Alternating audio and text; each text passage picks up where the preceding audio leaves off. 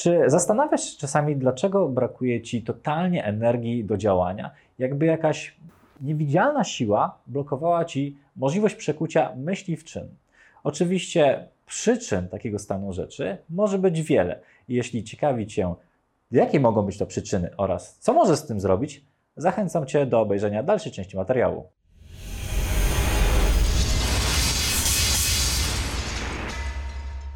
Cześć moi drodzy, witam Was w kolejnym odcinku z serii Pigułka Wiedzy.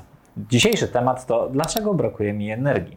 Jedną z takich częstszych przyczyn, które powodują, że w konsekwencji mamy mniej energii do działania, jest zaniedbanie snu. Tutaj niedobór snu będzie korelował z większą aktywnością naszych nadnerczy do produkcji hormonów stresu, m.in. kortyzolu, który na przykład u mężczyzn ujemnie koreluje z poziomem testosteronu, gdzie testosteron u mężczyzn wspiera gospodarkę dopaminy, neuroprzekaźnika, który odpowiada za naszą chęć i motywację do działania. Stąd też, jeżeli tylko zaniedbamy sen, spada nasza chęć do działania. Innym powodem, przez który mamy mało energii do działania, jest intensywny, chroniczny stres, ponieważ dochodzi do przeciążenia osi podzgórze, przysadka nadnercza i sygnalizacji do produkcji hormonów stresów. Ale to tylko jeden aspekt, ponieważ nadmierna stymulacja hormonami stresu prowadzi również do obniżenia serotoniny w naszym mózgu, jednego z neuroprzekaźników, a to w konsekwencji prowadzi do spadku innego neuroprzekaźnika, jakim jest dopamina, odpowiedzialna za naszą motywację do działania. Inną z przyczyn do naszego obniżonego stanu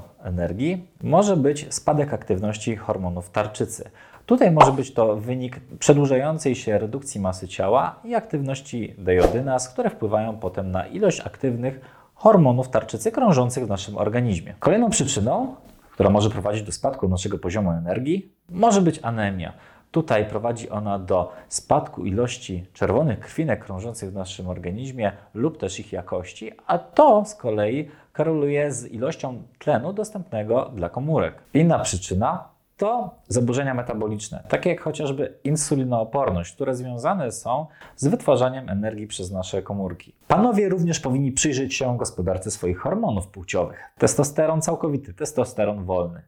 Prolaktyna. Jeżeli w tym obrębie będą jakieś zaburzenia, to też będzie prowadziło do zmniejszonej ilości dopaminy w naszym mózgu. Jeżeli nasze posiłki będą skomponowane z nieodpowiednich produktów, a jednocześnie nasze nadnercza osłabione w wyniku chronicznego stresu, to może dojść do tzw. Tak hipoglikemii reaktywnej, czyli fluktuacji poziomu cukru we krwi, a to też będzie warunkowało dostępność glukozy dla komórek, a to wpłynie na poziom naszej energii. Również jeżeli mamy jakieś choroby przewlekłe, np. autoimmunizacyjne, będzie to skorelowane z stanem zapalnym w naszym organizmie, to, to również wpłynie na ilość produkowanej energii przez nasze komórki. Inna potencjalna przyczyna to przestymulowanie się.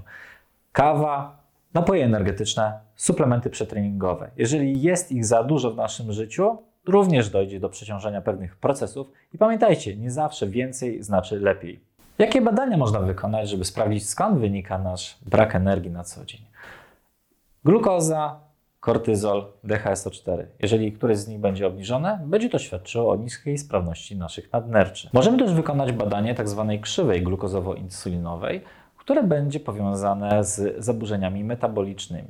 Jeżeli podejrzewamy naszą tarczycę jako przyczynę niskiego poziomu energii na co dzień, zbadajmy TSH, FT4, FT3, najlepiej jeszcze z przeciwciałami przeciwko tarczycowymi, anty-TPO, anty-TG, a nawet antytrab. Jeżeli zaburzenia leżą w obrębie naszych komórek, to tutaj kinaza kreatynowa i dehydrogenaza mleczanowe będą takimi wskaźnikami sprawności wytwarzania energii przez nasze komórki. Panowie powinni, tak jak wcześniej wspomniałem, zbadać testosteron całkowity, prolaktynę, oraz testosteron wolny. Warto też sprawdzić, czy nie mamy anemii, zwłaszcza jeżeli wskazują na to parametry naszych czerwonych krwinek. Do tego dobadajmy więc żelazo, TIBC, ferytynę.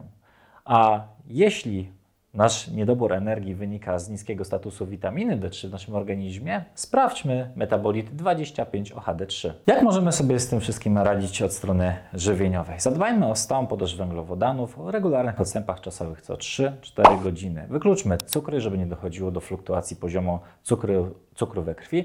Zadbajmy o to, żeby to były źródła skrobiowe, takie jak ziemniaki, ryż, makarony.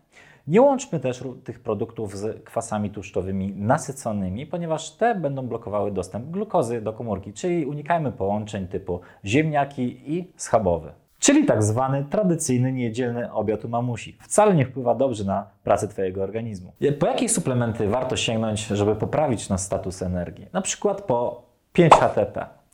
Jest to suplement, który poprawi jakość naszego snu, a to, jak wcześniej wspominałem, wpływa na poziom dostępnej energii w ciągu dnia. Inny suplement, który może się przydać osobom, które mają w badaniach niski status DHSO4 jest DHA. Jest suplementacja przez około miesiąc czasu, pozwoli na uzupełnienie tego DHSO4 i pozwoli funkcjonować na wyższym poziomie energii. Kolejny bardzo przydatny suplement to Rhodiola rosea. Ten adaptogen zwiększy naszą ilość serotoniny krążącej w naszym mózgu, uodparniając nas na stres oraz dopaminy, która zwiększa naszą motywację do działania. Jeżeli problem leży u podłoży funkcjonowania naszych komórek i wytwarzania przez nie energii, niagen, acetyl-L-karnityna oraz kreatyna mogą być bardzo pomocne.